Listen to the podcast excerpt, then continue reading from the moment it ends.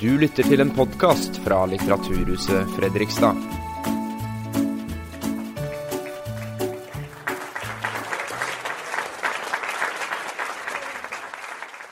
Takk for det. Eh, Vi har for øvrig oppklart hvorfor dette foredraget er så godt besøkt. Eh, Min venn Viggo påpeker at nede så står det 'Romerrikes vekst og fall' ved Dag Otto Lauritzen.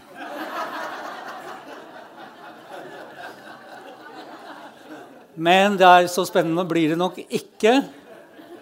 Eh, Jeg er kjent for å holde så lange foredrag at folk flest har med seg matpakke. De som har hørt meg før.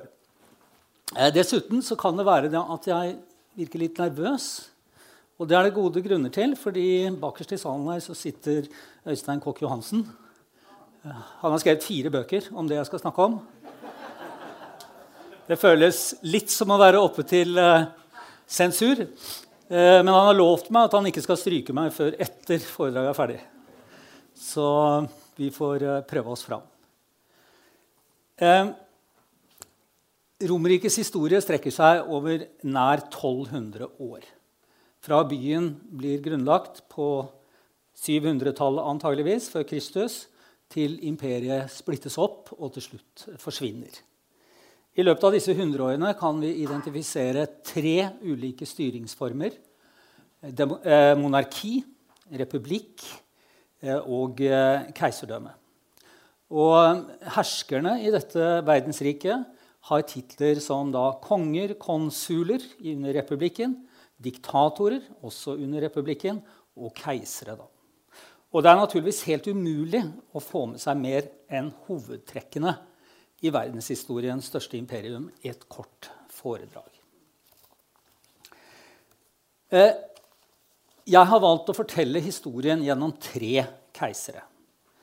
Eh, Gaius Julius Cæsar kjenner alle. Det sies faktisk at han er verdenshistoriens best kjente person. Før Solskjær, muligens. Cæsar var den siste av republikkens herskere. Riktignok med tittelen diktator, men denne var lovfestet. altså. Man kunne være diktator for en tidsavgrenset periode. Republikken faller etter Cæsar, og det er nevøen, en nevø som Cæsar adopterer, Oktavian, som blir Romerrikes første keiser med tittelen Augustus. Den andre herskeren er kanskje ikke så kjent. Eh, Marcus Aurelius Commodus han heter egentlig bare Commodus det først, men han tar farens navn etter hvert. Altså sønn av Marcus Aurelius. Men hvis dere har sett filmen The Gladiator, eller Gladiatoren, som den heter på norsk, med Russell Crowe i hovedrollen, så er keiseren i denne filmen, som spilles helt glitrende naturligvis av Joaquin Phoenix, det er Commodus. Eller han er i hvert fall et forbilde for den skikkelsen. Ligner mistenkelig. Eh, og han kalles også i sin samtid for gladiator, gladiatorkeiseren. Vi skal komme tilbake til det. Eh, Den tredje, Konstantin, den største eh, han, Alle som har vært i Istanbul, eller Konstantinopel, som byen het frem til vår moderne tid, vet jo hvem Konstantin er. Konstantin kunne ha gjort bare én av tre-fire ting. Han har likevel kalt seg den store. Fordi han samler altså Romerriket, som på hans tid, altså rundt 300, eller etter 300, er splittet opp i tre ulike deler. Han samler eh, disse delene gjennom langvarig krigføring. Så flytter han hovedstaden fra Roma til en liten gresk by som heter Bysants. Den blir etter hvert hetende Konstantinopel, og i dag heter denne byen Istanbul. Han, eh, selv ikke Konstantin den store klarer å stoppe forfallet i Romerriket, men han forsinker det med kanskje 150, ja, ca. 150 år. Og så har jeg fått beskjed å si at de som vil være med både til Roma og Istanbul, så er det altså da en tur i det nye reiseakademiet. Viggo Andersen deler ut noen brosjyrer etterpå. Eh, I mars-april neste år. Vi får vel ta med oss den mytiske opprinnelsen av ulvinnen og tvillingene. Dere kjenner jo sikkert uh, myten om uh, Romulus og Remus. Og en vittig tunge sa en gang at det var jo bra at det var Romulus som drepte Remus. Ellers kunne Roma i dag ha hett Rema. Det ville kanskje ha vært litt trist. Og spesielt under tusenårsfeiringen. Da hadde det blitt Rema 1000. Remulus er konge og blir da den første kongen etter at han har tatt livet av broren sin. Eh, de er ikke helt enige om plantegningene for byen, kan vi si litt kort. Eh, og eh, Roma, bystaten Roma da, blir da et kongedømme i 200 år til det blir en republikk i 510 før Kristus. Og styres etter det da av valgte politikere, først og fremst konsuler, som det er to av av gangen. For det er altså ennå ikke noe imperium, dette her, altså. Eh, Der har vi vel eh, Roma ca. 320. Der er vi på 300. Skal vi se Ja, jeg må litt tilbake her, da. Eh, skal vi se Dit skal vi. Sånn. Her er vi på 510. Der ser dere ligger bare en liten bystat der. Og så begynner det å vokse. Ser dere? 300. Fortsatt er det jo liksom bare området rundt Italia. Det er bl.a. etruskere, en veldig viktig stamme, som latinerne, da, som styrer Roma, bruker lang tid på å fordrive. Her er vi på 770 før Kristus. Og vi ser nå at den italienske halvøya langt på vei er erobret. Her er vi i 220, og vi begynner altså å nærme oss da eh, det som skal bli eh, keiserdømmet, Da.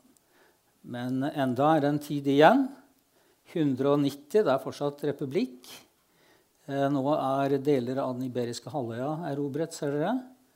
Og, og, deler av, eh, av, det området som ligger imellom, da.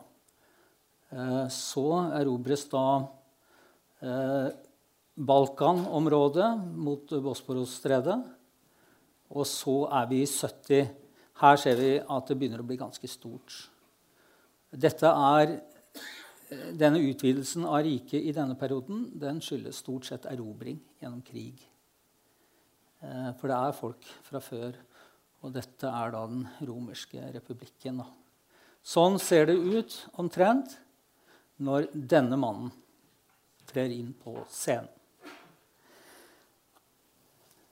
Han er en av dem som utvider landområdet mest. Eh, og han er også republikkens siste hersker. Gaius Julius Cæsar. Imperiebyggeren som ville bli konge, eller republikkens siste hersker som ville bli konge. Det der er en senere byste av han. Dette her er noe tidligere. Så han blir en litt, litt mer fyldig, han også. Eh, men han er beskrives som en veldig slank og høy og kraftfull mann. da. Han, det diskuteres litt, eh, kan, jo, kan jeg jo ta med Øystein etterpå, om han er født i 100 eller 102. Der er historikerne ikke helt enige. Men det spiller ikke stor rolle. Han Dør i hvert fall i 44 før Kristus. 15. mars. Vi skal komme tilbake til det. Eh, og han kommer fra det klassiske romerske adelskapet, eller patriserklassen. Faren var guvernør i den store romerske provinsen Asia. Det er ikke hele Asia, altså, men den het Asia, den provinsen. Eh, men det er likevel riktig, selv om altså han ble på et vis litt født inn i det, å si at Cæsar skapte sin egen karriere. Han skapte sin egen maktbase. Han skapte sitt eget ettermæle, for å si det sånn. Eh, han hadde helt unike personlige egenskaper som gjorde han særdeles skikka både som militær og politisk leder. Dessuten var han en svært ambisiøs mann, selv etter tidens standard. Og han hadde et brennende ønske om makt i første rekke å bli republikkens konsul. Ehm, Cæsar mister faren sin veldig ung, bare 16 år gammel, så blir han da familiens overhode. Og han gifter seg ganske raskt med en dame som heter Cornelia, og de får en datter som heter Julia. Eh, men så havner Cæsar på feil side i en politisk strid som gjør at han må flykte og nesten miste livet. Denne striden skyldes i stor grunn Cornelias familie. Eh, og han nekter å skille seg fra henne eh, og rømmer i stedet. Men så dør denne diktatoren som forfølger Cornelias familie, og Cæsar vender tilbake til Roma. og Da tar han opp et sivilt yrke. Han blir advokat, som jo veldig mange av, av disse store romerske er, er, har som sivile yrker. Da. Og han er fortsatt bare en ung mann, så vidt 20 år. Nå gjør Cæsar en helt bemerkelsesverdig politisk karriere. Det er nesten så han stiger så raskt i gradene at det er bare å holde seg fast. Og det ender med at han når denne ambisjonen sin. Han blir konsul. Og det er altså to av dem, men knapt noen, bortsett fra Øystein kanskje, husker navnet på den andre konsulen. For Cæsar er den helt overskyggende personen i dette konsulatet.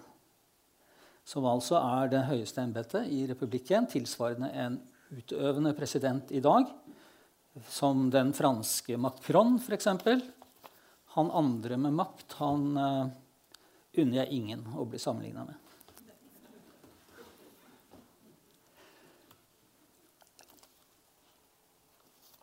Han gjør noe smart.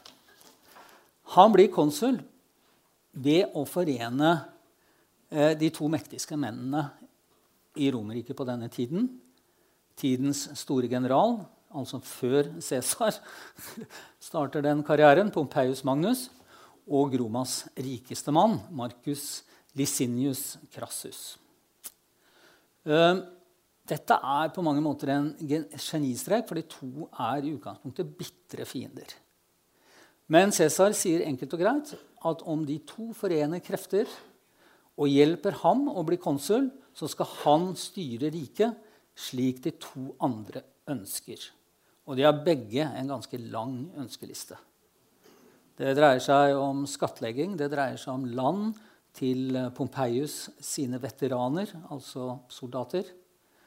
Eh, og Cæsar tar imot eh, lista og sier at 'dette fikser vi, gutter'. Bare sørg for at jeg blir eh, konsul, så tar jeg meg av resten. Og det fungerer sånn. Cæsar innfrir ønskelista på rekordtid. Ikke med like fine metoder hele veien, men det er effektivt. Men etter at herrene Pompeius og Crassus har fått ønskelista oppfylt, så presser de den fortsatt unge Cæsar ut. Pompeius, generalen, han har sågar fått Cæsars unge datter Julia til kone. Hvor godt hun likte det, kan man spørre seg om. Generalen var vesentlig eldre enn faren hennes. Han kunne antageligvis ha vært Julias bestefar. Og hun dør også kort tid etterpå etter, i, i barselseng. Dette får Cæsar vite mens han er i felt, og han tar det ganske tungt. Han mister også sin kone, sin første kone. Da. Han gifter seg tre ganger. Um, etter hvert eh, Og han, han, er på det personlige planet en relativt ensom mann i denne perioden. Crassus han har også mye å takke Cæsar for. Han ville også gjerne bli en stor general. Det var liksom det som var popstjerna. Å lede de store legionene. Um, og da slavene i Romerriket gjorde opprør og var nær ved å felle hele riket innifra, så utrustet Crassus en kjempehær. Men det kunne likevel gått, gått galt mot eh, Spartakus. Dette kalles for Spartakus-opprøret. Spartakus var en gladiatorslave, og han hadde en krets av gladiatorslaver rundt seg. Og de samla altså eiendomsløse i Romerriket til et opprør som nesten felte riket innifra. Det var ikke veldig langt unna.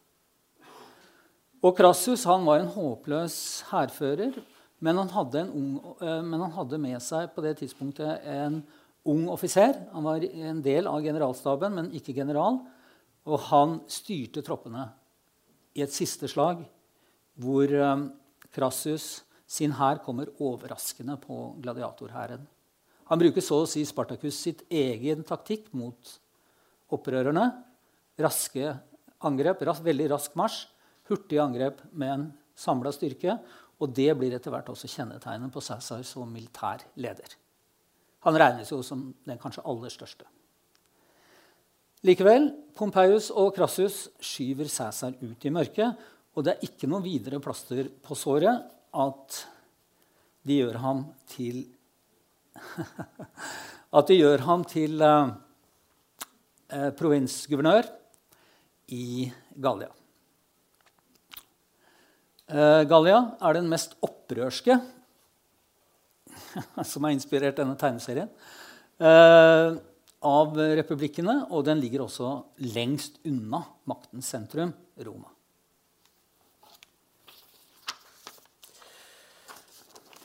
Og dere kan bare glemme denne søte tegneserien, for dette var brutalt.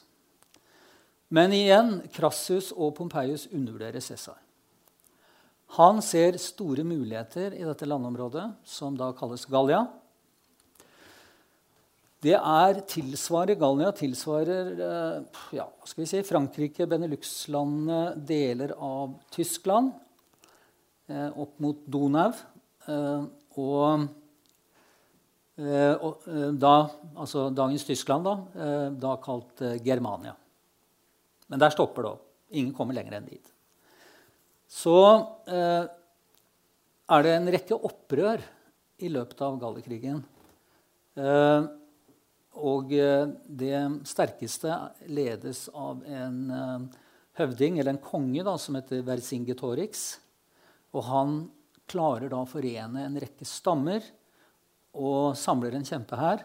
Og han beseirer i første runde Cæsar i to eller tre slag.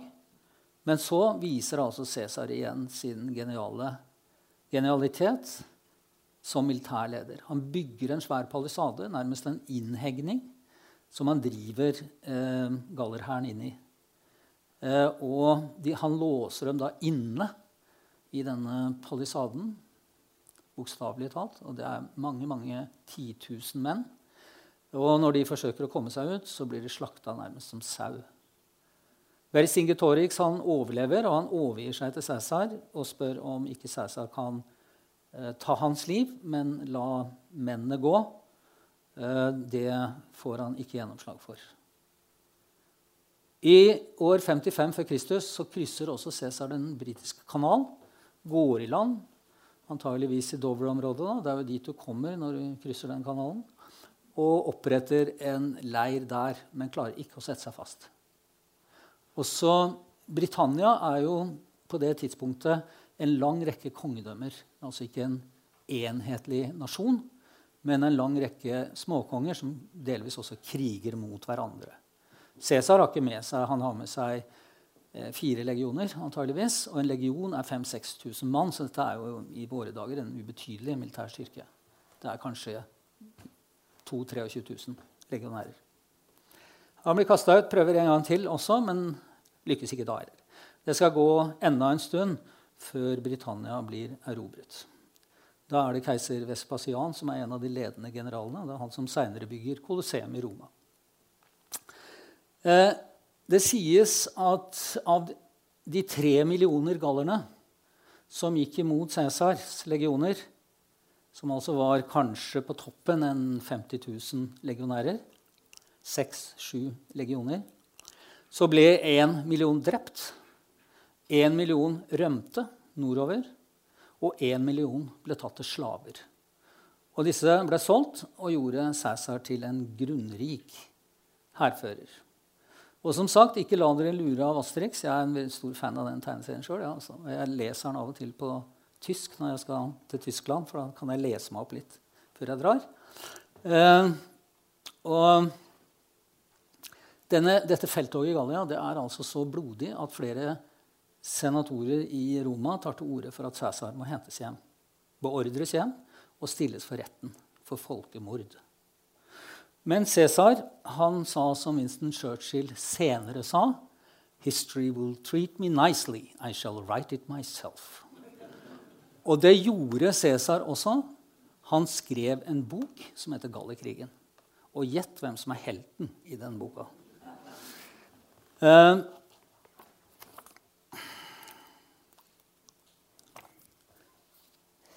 så begynner det å skje ting. Cæsar er nå altså rik og berømt. Han, eh, han eh, sørger for med jevne mellomrom, uten å reise til Roma, selvfølgelig, at eh, det preges mynter med hans navn og bilde, og de deles ut i, på gatene i Roma til de som trenger det. Og det er mange fattige i Roma. og så blir han da hjemkalt av Pompeius, som nå er konsul. Eh, og han tenker at han vil tilbake og ta makta i Roma.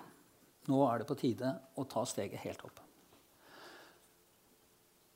Mens eh, Cæsar har vært i Gallia, så har Krassus, den tredje i eh, triumviratet, vært eh, i eh, kriger i, eh, i Asia. Han ville jo bli en berømt general, han òg. Det var helt håpløst. Han tapte en rekke slag til tross for at han hadde en stor hær, og ble til slutt tatt til fange. Og det sies, da, det er muligens en myte, at han ble drept ved at man helte flytende gull i munnen på ham. Kanskje. Pompeius, derimot, Cæsars tidligere svigersønn, generalen, han er mektigere enn noen gang og Romas hers suverene hersker på dette tidspunktet. Og Så går altså Cæsar sørover, og han kommer til elva Rubicon. Det er omtrent ved er det Milano? Er det noe som er kjent i, i Italia? Eh, Napoli, omtrent. Ganske langt nord på Porsletta. Og der Hva sier du? Å, nei. nei. Nei, Men den er på Porsletta, i hvert fall. Denne elva. da. Og det er opplest og vedtatt at den hæren som krysser denne elva Nei, det er et stykke nord for Roma. Den, har, den utløser krig. Og også om det er en romersk hær. Så Cæsar, han, eh, han, gjør jo det. Og muligens så sa han altså Alea jakta est. Terningen, eller loddet, da, er kastet. Og går mot Roma med sine legionærer. Og i Roma er det full panikk. Også Pompeius flykter, det til tross for at han har mye større styrker enn Cæsar. Det sier noe om Cæsars renommé som hærfører.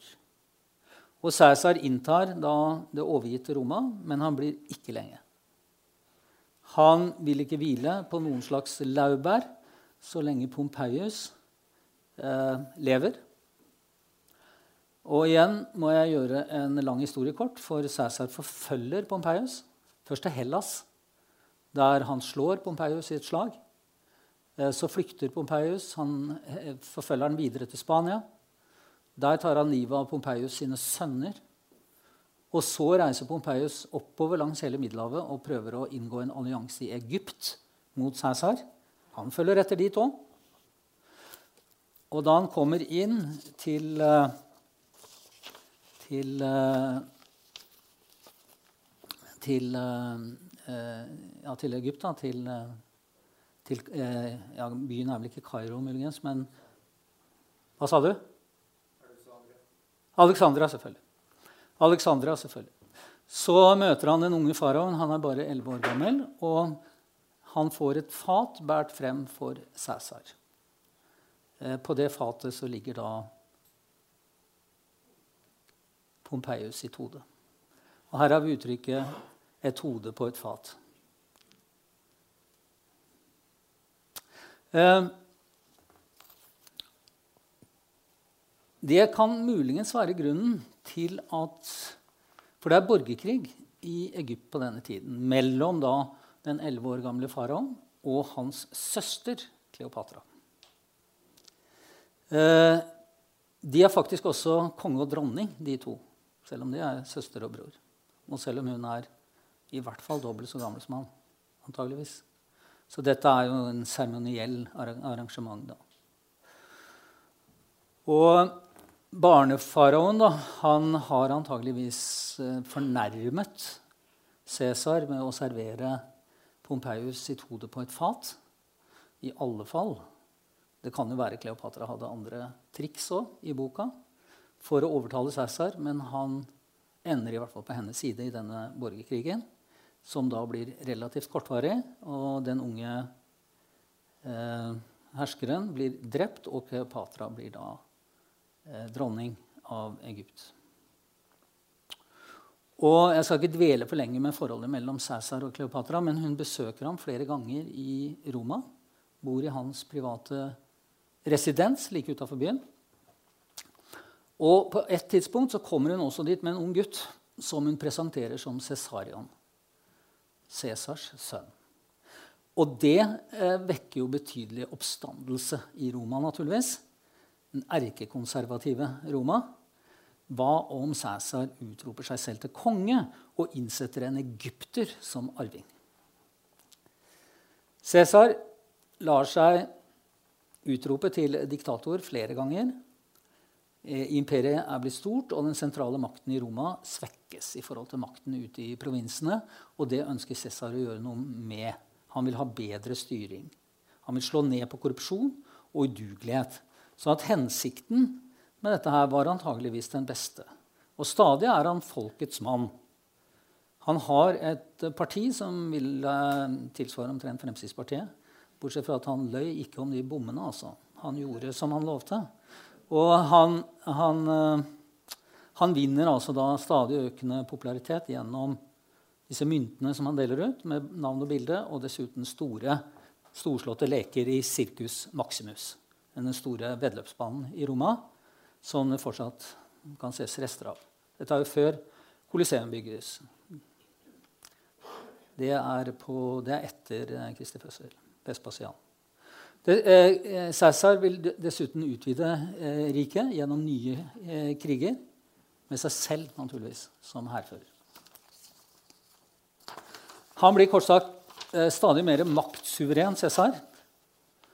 Eh, og han lager som vi vet, en kalender. Han oppkaller en av månedene, sin egen fødemåned, juli, etter seg selv. Han skal etter hvert også utropes til romersk gud, men det skjer altså etter at han dør. Så skjer da dette her, da. Verdens mest kjente politiske drap. Mordet i Senatet. For i februar 44 så før Kristus da, så utroper Cæsar seg til diktator på livstid, og da er begeret fullt. Og Den 15. mars blir han knivstukket av en rekke senatorer. Det sies 23 knivstikk eh, inne i Senatet. Og blant dem som fører kniven, så er bl.a. Brutus, sønn av Cæsars elskerinne, livslange elskerinne, Lucilla og Cæsar har på dette tidspunktet gjort Brutus til nummer to i arverekkefølgen etter seg. Så det er nå de berømte ordene faller. altså. Også du, mitt barn Brutus. Det er litt ulike varianter her. Noen sier sønn, noen sier bare 'også du, Brutus', osv. Det er litt usikkert. Cæsars død utløser da et opprør i Roma. Eh, fiffen, senatorene og rikmennene eh, angripes, eiendommer ødelegges. Cæsars nevø, Marcus Antonius, dreper Brutus. Han ser nok for seg at han skal bli Cæsars etterfølger og starte med å overta Kleopatra. Eh, året etter drapet så er det kun noen få av attentatmennene som er i live, og riket er inne i en dyp krise. Også fetter Marcus Antonius begår selvmord sammen med sin egyptiske dronning etter hvert. Dette berømte med slangen mot brystet. er det ikke det? Av dette kaoset, som da varer i noen tiår, eller ett tiår, et drøyt tiår, så stiger da denne gutten her fram, for han er ikke stort mer enn det. Han heter Oktavian. Han er Cæsars stesønn. Og etter en litt lengre prosess da, så blir han uh, utropt til Augustus. Eh, keiser, altså. Og Oktavian han arver Julius Cæsars Han tar også Julius Cæsar som mellommann etter hvert. Uh, og han arver ikke bare onkelens store formue, men langt på vei også hans store popularitet i Romas befolkning. Oktavian han sitter hele 40 år på keisertronen.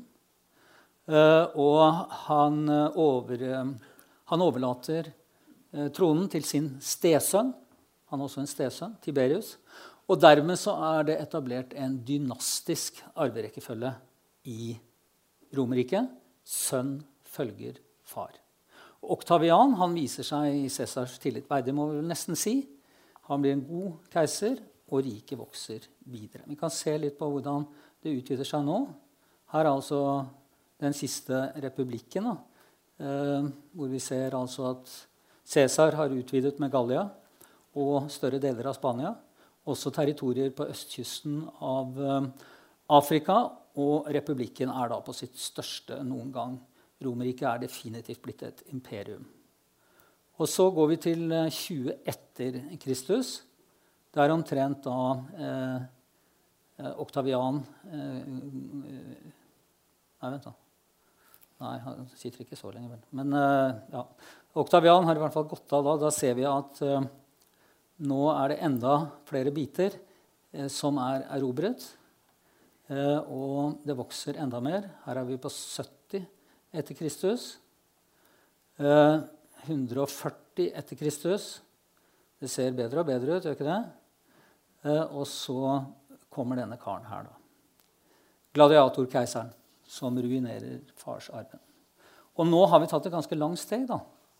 Eh, vi er i annen halvdel av hundretallet. Eh, Commodus, som han heter, han blir keiser i 180 etter faren. Han er keiser i tolv år. Og jeg har lagt inn dette rollebildet av Joaquin Phoenix som Commodus i 'Gladiatoren'. Så dere skal få en, et bilde opp i hodet om hvem denne karen var. Helt til venstre er faren, Marcus Aurelius. Dette er en veldig berømt rytterstatue. Det står en kopi av han. Jeg tror det må være et kopi, for den står på toppen av spansketrappa i Roma.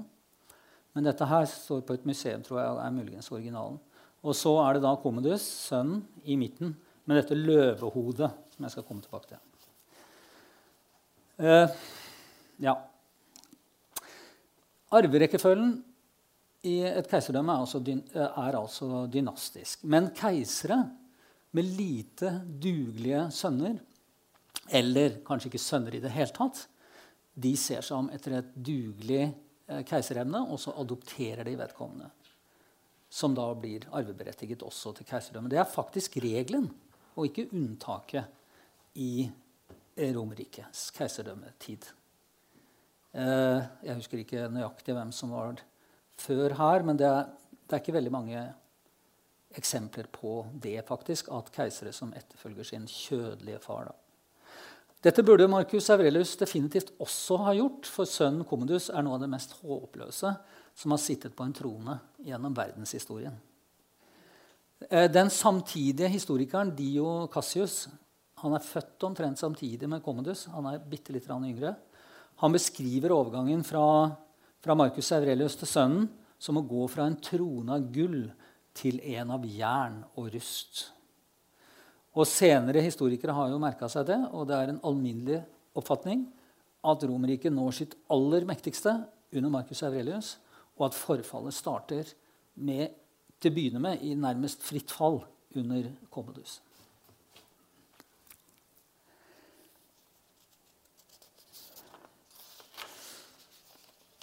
Og derfor, nettopp derfor så er kanskje altså da eh, en av Romerrikes eh, aller verste og mest håpløse herskere en av, også en av de viktigste å studere. For her nå starter eh, forfallet. Det er en, ganske, en del andre krapyl i romersk historie. da. Jeg nevnte Nero og Caligula til Øystein, men han hadde enda en kandidat som var, muligens var enda verre. Eh, på 200-tallet. Eh, men, men, man kan ikke laste faren, egentlig. Altså, det er jo sønnen. Og han gjorde alt han kunne for å, eh, altså for å gjøre sønnen klar for denne livsoppgaven. Da. Han var med faren i felten. Det er germanske stammer i den tiden som presser på fra, fra nord. De nedkjempes. Akomedos er en godt, eh, fysisk godt utrustet mann som får våpentrening. Og han undervises da i krigføring av en av de aller fremste i samtiden, nemlig sin egen far.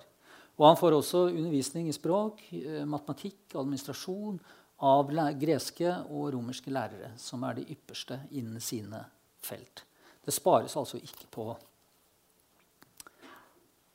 noe for å gi gutten eh, en eh, god utdanning. Da. Ja, Komedus blir erklært gud av senatet. Det skjer ikke riktig ennå, da. Eh, men Komedus han blir altså keiser 18-19 år gammel da faren dør i 180. Og på det tidspunktet så viste han svært liten interesse for det statsstyr og militære spørsmål. og sånt noe. Dette kunne ha gått bra om Commodus hadde hatt vett nok til å overlate styringen til farens gamle rådgivere da, i administrasjonen, hæren og senatet. For det var et korps av rådgivere rundt Marcus Aurelius som visste hvordan dette skulle gjøres. Men Commodus han vil ikke vite av disse gamlingene. Han gjør sin egen personlige slave, en kar som heter Sutonius, og som hvis viktigste oppgave trolig er å bære Commodus hjem etter fyllefester til ledende rådgiver. Og det er starten på en helt ødeleggende maktkamp om posisjoner rundt keiseren. Og den maktkampen er preget av snikmord, korrupsjon og etter hvert det totale kaos. Alt dreier seg om personlig vinning og makt. Nå skal jeg si litt om det løvehodet som Commodus har over skallen. Løven det er jo kjennetegnet for Herkules, den greske guden Herkules. Commodus blir sykelig opptatt av denne greske krigguden og tror etter hvert at han er en direkte etterkommer etter Herkules. Herkules, som da er tidens største symbol, tidenes kan vi nesten si, på mannlig mot og styrke. Og han får også til slutt senatet til å erklære seg som Gud. Vi skal komme til det, og også den ødeleggende finanskrisen under Commodus. Jeg har jo en svakhet for å se etter sånne ting i historien. Og jogge meg lager han ikke en svær finanskrise, han fyren her òg. Det er bare ett et, uh, område hvor Commodus utmerker seg. Der er han til gjengjeld en av de fremste på området. Og, de, og innsatsen er helt upåklagelig. Og stikkord her er piker, vin og sang. Det er orgier og gladiatorforestillinger i Roma under Commodus som overgår det meste i dekadense, umoral og brutalitet. Ikke minst det siste. Colosseum, som Vespasian altså fikk bygd ca. 100 år tidligere eh, På 70-tallet, var det vel, etter Kristus, blir byens absolutte sentrum. Og så får denne gærne fyren for seg at han selv bli, vil bli eh, gladiator, og bestiarius, som er da et navn for menn som kjemper mot ville dyr inne i Colosseum. Han påberoper seg etter hvert og har drept flere løver, en elefant og også en flodhest. ja, ja. Da var julematen berga, tenker jeg. Eh, og han gikk i arenaen flere ganger. Men han sørga jo for at det var syke dyr. Og, og, og, disse motstanderne som møtte han i gladiatorkampene, det var gjerne syke og sårede soldater med sløve våpen. Og de ble offer da for Commodus' sitt uh, galopperende uh, galskap. Dette er mynter som er preget av Commodus. For å finansiere denne galskapen så begynner Commodus å vanne ut, eller han devaluerer, da, for å bruke et moderne ord, den romerske mynten denarius. Han reduserer sølvinnholdet. Og denne finanskrisen er ødeleggende for økonomien i riket. Husk at denarius på dette tidspunktet det er en verdensvaluta på lik linje med dollar i dag. Det er tillit til myntsystemer og finanssystemer som det er helt grunnleggende for effektiv handel. Og nå vi, snakker vi om et kjemperike eh, med masse handel, kryss og tvers, av hav og grenser mellom ulike provinser. Og så tvinger han altså senatet til å gjøre ham til Gud. Han kommer dit en dag kledd som gladiator med løvehode og denne kølla til Herkules. Så han har vel det på den der, har han ikke det? Jo, dette er Herkules-kølla. Eh, og, og, sier at eh, nå har jeg bestemt meg for at jeg skal bli Gud. Og senatorene selvfølgelig, de er jo aldeles forferdet og antageligvis også skrekkslagne, for han drar til folk med denne kølla si. Og keiseren er en stor skam da, for riket. Men han er brutal og nådeløs. Stormannsgalskapen har nå tatt helt overhånd.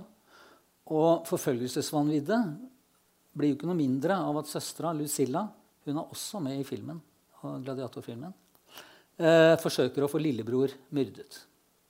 Det koster deg livet, selvfølgelig. Eh, og Commodus blir enda gærnere. Og kaoset blir komplett da Commodus, som Cæsar, antageligvis med Cæsar som forbilde, skal lage en ny kalender for riket med de fleste månedene oppkalt etter seg selv og den store helten Hercules.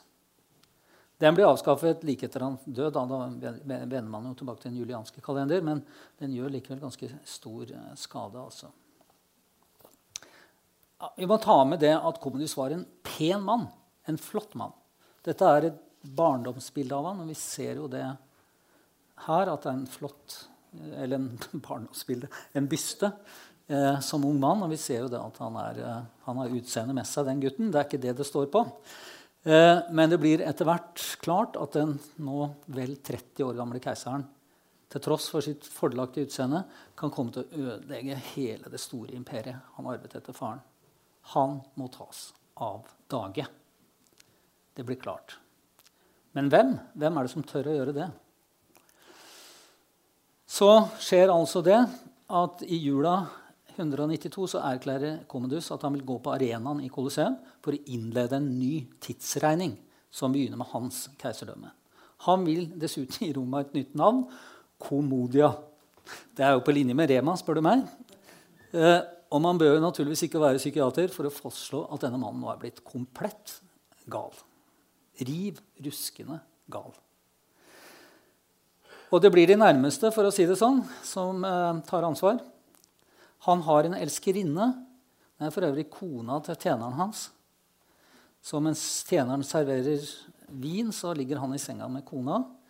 Eh, dette var bare et galehus av en annen verden til slutt. Og hun serverer han et beger med vin hver morgen. Og en morgen så er det gift i det begeret.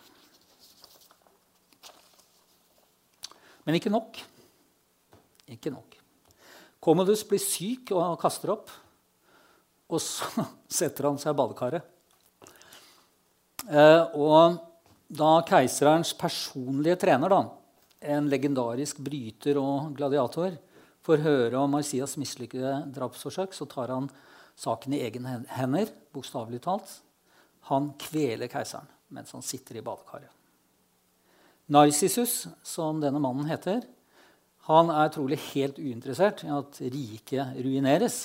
Men han er oppbrakt over at Commodus er i ferd med å ødelegge gladiatorenes ære med fiksede kamper. Han har dessuten tatt livet av noen av Narcissius sine beste venner og gi dem sløvesverd og sovemedisiner osv. før de går i arenaen. Uansett er punktum finale for en av Romerrikets aller galeste keisere. Men skal det vise seg skaden er varig. Jeg passer litt på klokka her, så vi slipper å ta fram matpakkene. Eh, vi ser altså at riket fortsetter videre. Nå er jo Britannia med her òg, ser dere. Det utvides også nedover i Lille-Asia. Eh, men disse kartene her de forteller bare halve historien. For eh, det er ikke ett Romerrike lenger. Imperiet splittes opp i provinser som i stor grad er selvstyrte og utenfor Romas kontroll. Vi må huske at dette riket det strekker seg altså fra Nilens eh, kilder til Hadrians mur på grensen mellom England og Skottland i dag. Fra Donau nord i, i Tyskland til Krim i øst og østkysten av Afrika på andre siden av Middelhavet. Hvert femte menneske på jorda bor i dette riket. Og det vokser nå mot, 100, nei, mot 90 millioner mennesker når vi nærmer oss 300-tallet. Eh, riket har 10 000 byer, og det er 800 000 km med veier, organiserte veier i dette riket. Det å administrere et sånt verdensrike det krever naturligvis en dyktig administrasjon og gode ledere og politikere, både sentralt og ute. Det er ikke riktig å gi Commodus kanskje all skyld. Det er flere krefter ute og går her, og ikke alt er under Romerrikets eller Romas herskers kontroll heller. Eh, men historien viser at etterfølgeren, eh, den første er vel Septimus Severus, og andre relativt dugelige keisere etter han, ikke klarer å rette opp skaden som er forvoldt. 200-tallet blir en serie av annus horribilis for romerne. Det er en skikkelig nedtur. Helt til denne karen kommer, som er den siste av de virkelig store keiserne i Romerriket. Dette er min personlige mening. Da det er ikke forska på dette, her, men av alle potentater som har den store i navnet, så er ingen så fortjent som Konstantin. Han samler altså restene av dette store verdensriket, som på dette tidspunktet da er delt i tre. I hver del så sitter en keiser som forsøker å knekke de to andre gjennom kriger. Eh, og han flytter også etter hvert av hovedstaden fra det sykelige Roma, som er ødelagt av, helt ødelagt av kriminalitet, korrupsjon, vannmangel og epidemier. De siste 100 årene før eh, Konstantin flytter hovedstaden, så er det vel ingen romersk keiser som bor i Roma. Det er ikke mulig. Eh, dessuten så innfører han en samlende religion for hele riket, nemlig kristendommen. Og I tillegg så innfører han en rekke administrative og militære reformer. Blant annet et ganske viktig grep han skiller altså styringen av det sivile samfunnet fra det politiske. I det gamle Romerriket var det politikerne selv som både var generaler og ledet hæren og sto for statsadministrasjon. Like viktig var det at Konstantin innførte en gullstandard, en solidus, som han hette, eh, som grunnlag for pengevesenet, og fikk bukt med den ødeleggende inflasjonen som hadde vedvart helt siden Commodus begynte å tynne ut denariusen. Gull som garanti for penger er brukt helt inn i vår egen tid. som dere vet. Dessuten var altså ikke politikerne lenger sine egne embetsmenn og generaler. Og disse rollene har jo også vært atskilt etter Konstantin. Så Konstantin har satt virkelig store spor etter seg i verdenshistorien og er etter min mening like viktig i romersk historie som Julius Cæsar. Han er født i 272. Han er sønn av en romersk general som styrte Britannia ikke hotellet i Trondheim, men den romerske provinsen. Eh, og hele Vest-Europa som Cæsar. Cæsar er etter hvert blitt en tittel, og det er en stedfortredende keiser vi snakker om da. Moren Helena, som er datter av en krovert, en britisk krovert, er en meget fremlig kvinne. Et studium, og vi skal komme tilbake til henne. Det ble jo etterspurt at jeg måtte si noe om damene òg, og Helena er en veldig god kandidat her. Eh, og Britannia det blir altså Konstantins utgangspunkt. Og i år 305 så blir han Augustus, keiser for den vestlige delen av Romerriket. Som da er delt i tre, en vestlig og en østlig del. Svære områder. Pluss selve kjernelandet, dagens Italia, da, med Roma som sentrum. Og da faren dør i 306, så arver på et vis Konstantin kommandoen over hæren og tar den straks i bruk med stor suksess i flere kriger for å samle riket. Og han bygger allianser, politiske allianser, noe som fører til at han gifter seg med datteren til en av sine verste fiender, nemlig Fausta. Hvorvidt det er et lykkelig ekteskap, det skal jeg være forsiktig å uttale meg om. Men hun redder Konstantins liv på et tidspunkt. Han blir nemlig utsatt for et attentat som Fausta får vite om. Og eh, Konstantin han lar en slave ta sin plass i sengen. Og denne rivalen, som heter Max, Maximian, han, dreper, han kommer inn i soverommet og dreper evenukken. Da går Konstantin frem fra bak gardinen, hvor han har gjemt seg, og så sier med en kniv, og så sier han du skal få lov til å ta ditt eget liv. Det takker jo Maximian takk til, eh, ja til, for alternativet er jo å bli revet i filler av løvene. Eh, Konstantin kan vel ikke sies å være noen god person. Kanskje er han ikke det. For denne redningsaksjonen forhindrer ikke at Konstantin senere får Fausta, sin egen kone, drept.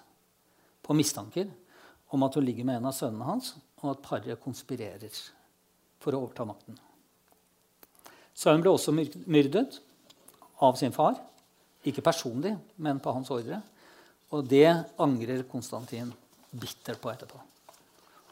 Også fordi han etter hvert får vite at det var bare tull, hele greia.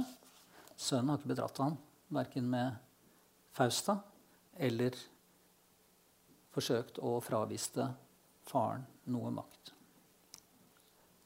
Han er heller ingen lykkelig mann mot slutten av sitt liv, tror jeg. Han bruker, Konstantin bruker hele 18 år på å, på å vinne denne borgerkrigen, og han blir enehersker i 324. År 324 etter Kristus. Og nå er altså første ledd nådd. Konstantin har samlet Romerriket i én hånd, sin egen. Og nå tar han beslutning om å flytte hovedstaden i riket. Det nye Roma, Konstantinopel. Det er opprinnelig en liten gresk by som heter Bysants. Den ligger ved utløpet av Bosporos innerst i Marmarahavet. Heter Istanbul i dag. Alle som ikke har vært der, bør straks og uten opphold reise dit. Det er en helt fantastisk sted. Eh, Roma har på dette tidspunktet råtnet på rot. Korrupsjon, epidemier, kriminalitet, vannmangel. Listen er lang. Men den viktigste grunnen er kanskje militær. Eh, det skjer ikke før ca. Ja, 70-80 år seinere. Men tegnene er der allerede. Germanske stammer som velter fram. Anglere og saksere som blir sterkere og etter hvert inntar Britannia da romerne forlater eh, det området i 410. Eh, Visigotere som tar Spania, og Cæsars gamle Gallia, altså Benelux og Frankrike, omtrent på samme tid. Og romerne blir drevet, De latinske romerne blir drevet tilbake i vest helt til hunerkongen Attila står utenfor Romas bymur i 452. Og det sies at paven selv går ut og appellerer til Attila om at han må snu og la den hellige byen være i fred, og at Attila oppsiktsvekkende nok etterkommer det ønsket. Men det varer ikke lenge, for eh, det latinske Roma går til grunne på 480, tror jeg det er, eh, og blir etter hvert en germansk by. Da. Og nå vi, er vi inne i, tiden, i, den store folkevandringstiden da, som kommer etter at Romerriket forvitrer og faller. Så forflytter vi oss tilbake til Konstantin. Da. Han måtte jo på et eller annet vis ha forutsett dette her. At, Rom, at, at, at tyngdepunktet i Romerriket måtte flyttes østover. Både militært økonomisk eh, var det riktig tenkt. Og dette strategiske stedet Bysants, som jo er en romersk, altså en romersk eh, befestning og en romersk by eh, allerede, det ligger midt i riket. Det har handelsveier eh, rundt seg. Og det, har, det, er militært, strategisk veldig bra. Det så vi også under første verdenskrig. Ikke engang Winston Churchill klarte å ta Konstantinopel. Han ble tvert imot kjeppjaga nedover i Dardanellene av en ung tyrkisk general som heter Kemal Mustafa Atatürk. Men det er et annet foredrag. Det får vi ta når vi kommer til Istanbul. Eh, han bruker seks år på å bygge opp eh, Konstantinopel, bl.a. med disse vanvittig flotte murene. Dette er jo eh, eh en replika mye, eh, men det finnes rester av den opprinnelige muren òg. Flere kilometer. Kan gå en lang tur oppover. Eh, og alt er ferdig 11. mai i 330, og da omdøpes byen til Konstantinopel. Som den skal hete i 1600 år, helt til revolusjonen altså etter første verdenskrig med Kemal Mustafa Atatürk. Eh, Så eh, reformerer ikke Konstantin bare administrasjon og styring av militære styrker. Men i eh, den 30 år lange ryddesjauen som Konstantin har i Romerike, så samler han også kirken, som er i full oppløsning mellom en latinskspråklig vestlig kirke med paven i Roma og en greskspråklig østlig kirke med patriarken i Konstantinopel som øverste prest. Og også her lykkes Konstantin altså. i dette kirkemøtet i Nikea. Den byen heter Isnik i dag. Den ligger ikke langt fra den store flyplassen på Asiasiden Istanbul. Der forener Konstantin kirken i en felles nikensk trosbekjennelse. Det var sønnen, eller Jesus, som var problemet. For den østlige kirken aksepterte ikke at dette mennesket Jesus kunne sidestilles med Gud og Den hellige ånd. Men det fikk Konstantin gjennomslag for. Lang historie og går rett på sak. Men trosbekjennelsen vår den er jo fortsatt Faderen, Sønnen og Den hellige ånd. Og Sønnen var det altså Konstantin som fikk med. Og dette utsetter skisma, altså kirkesplittelsen mellom øst og vest, med 700 år. Den kommer ikke før midt på 1000-tallet. Da er det til gjengjeld en pavelig utsending som marsjerer inn i Hagia Sofia, denne svære praktkirken midt i Istanbul, og legger en bannbulle på høyalteret til patriarken. Så det var med bulder og brak. Eh, ble, det tar sin tid med denne pavekirken. Det ble opphevet i 1965. Til stor pomp og prakt. Så det tok sin tid. Den behandlingstiden kunne vel, Fredrikstad kommune er jo til og med raskere enn det. Uh, og så sender han mora si, Helena, krovertens datter, til Jerusalem. Og i en alder av 76 år tenk dere da, hun er 76 på det tidspunktet, så utretter hun helt fantastiske ting. Hun finner både korset og graven. Og hun bygger en kirke over Jesu grav. Den står jo der fortsatt. Den er vel gjenoppbygd og ombygd, og litt sånn, men, men uh, den står der. Uh, den heter Gravkirken eller Oppstandelseskirken. Da, og ligger på Golgata i det kristne kvarteret i Jerusalem. Sikkert noen av de som har vært der nå. Det er lite kø tidlig på morgenen. Eh, og dette korset tar hun med seg hjem til Konstantin, som deler det opp i fire biter og plasserer det ut i de fire hjørnene. Eller ett, et står jo i Konstantinopel, men så plasserer han også andre biter ut. da. For å understreke den kristne tilknytningen dette riket har. Og det er veldig vanskelig å overdrive betydningen av Konstantins innføring av kristendommen som en slags statsreligion. Eh, ja, vi må jo nesten se et bilde av eh, mamma Helena òg. hun har fått en øy oppkalt etter seg også. Sankt Helena. Den er oppkalt etter henne. Og hun var altså en hellig jomfru. da i den tidlige kristne kirken. Eh, land altså innenfor Konstantins eh, imperium ble altså kristnet på 300- og 400-tallet.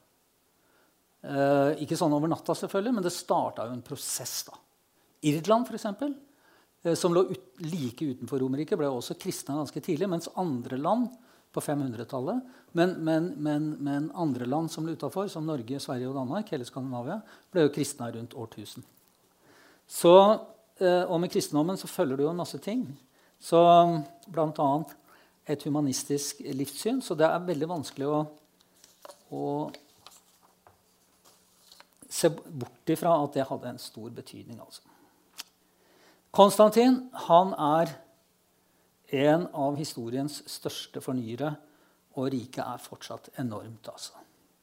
Her ser vi det i altså Konstantin dør jo i 337. Her er det i, i 360, da. Ser England er fortsatt henger med.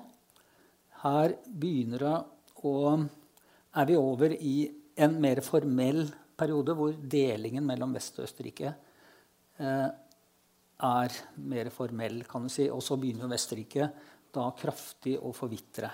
Ser dere? Nå er vi ute av England. Mesteparten av Spania er tapt. Eh, her faller de første koloniene i Afrika. Nå er det bare Roma nesten igjen. Nei, bare en liten bit igjen. Roma er falt i 480. Eh, og det er bare Østerrike igjen, da. Her. Her er vi 530 etter Kristus. Og da er, er Romerriket i ferd med å bli et bysantinsk rike. Da. Altså det bysantiske eh, imperiet er jo på mange måter kanskje nesten like interessant som det romerske. Veldig interessant. Eh, og strekker seg også over mange, mange hundre år. Så dere får bli med til Roma og Istanbul til våren. Så får dere vite alt om det der. der. Så skal jeg avslutte, før noen tar fram oppakka. Med denne mannen her, Mehmet den andre, sultanen som ville være romer. For var Romerriket dødt da det forsvant? Nei, ikke i det hele tatt. Reformer, vitenskap og filosofi fra denne tiden er fortsatt med oss innen juss, medisin, økonomi, kultur og naturvitenskapene. Og kanskje aller viktigst ideen om å tilhøre en stat. Å være en romersk borger det innebar plikter, men også rettigheter og beskyttelse. Og vi ser at keisere utvider retten til å være romer til nye områder. Da Cæsar ga gallerne rett til å, være romerske borgere, så var det en oppstandelse i Roma. Men han gjorde jo det riktige. De fikk en felles identitet med Roma. På bildet Mehmet 2., som altså er den osmanske eh, sultanen som erobrer Konstantinopel i 1452 med en flunkende ny oppfinnelse, nemlig kanon. Men hva gjør den muslimske høye leder idet han inntar Konstantinopel på sin hvite hest? Han erklærer seg som arving av Roma. Så sterkt lever altså ideen om Roma at en muslimsk hersker erobrer, erklærer seg en arving av Roma. Den blomsten eh, han lukter på, er litt sånn tvilsom, kanskje. Men la oss si at det er en tulipan. da. Eh, og det blir altså en viktig eksportvare for det osmanske Tyrkia. Og tulipanen av alle legger grunnlaget for vårt moderne kapitalistiske markedssystem. Men det er et helt annet foredrag. Takk for meg.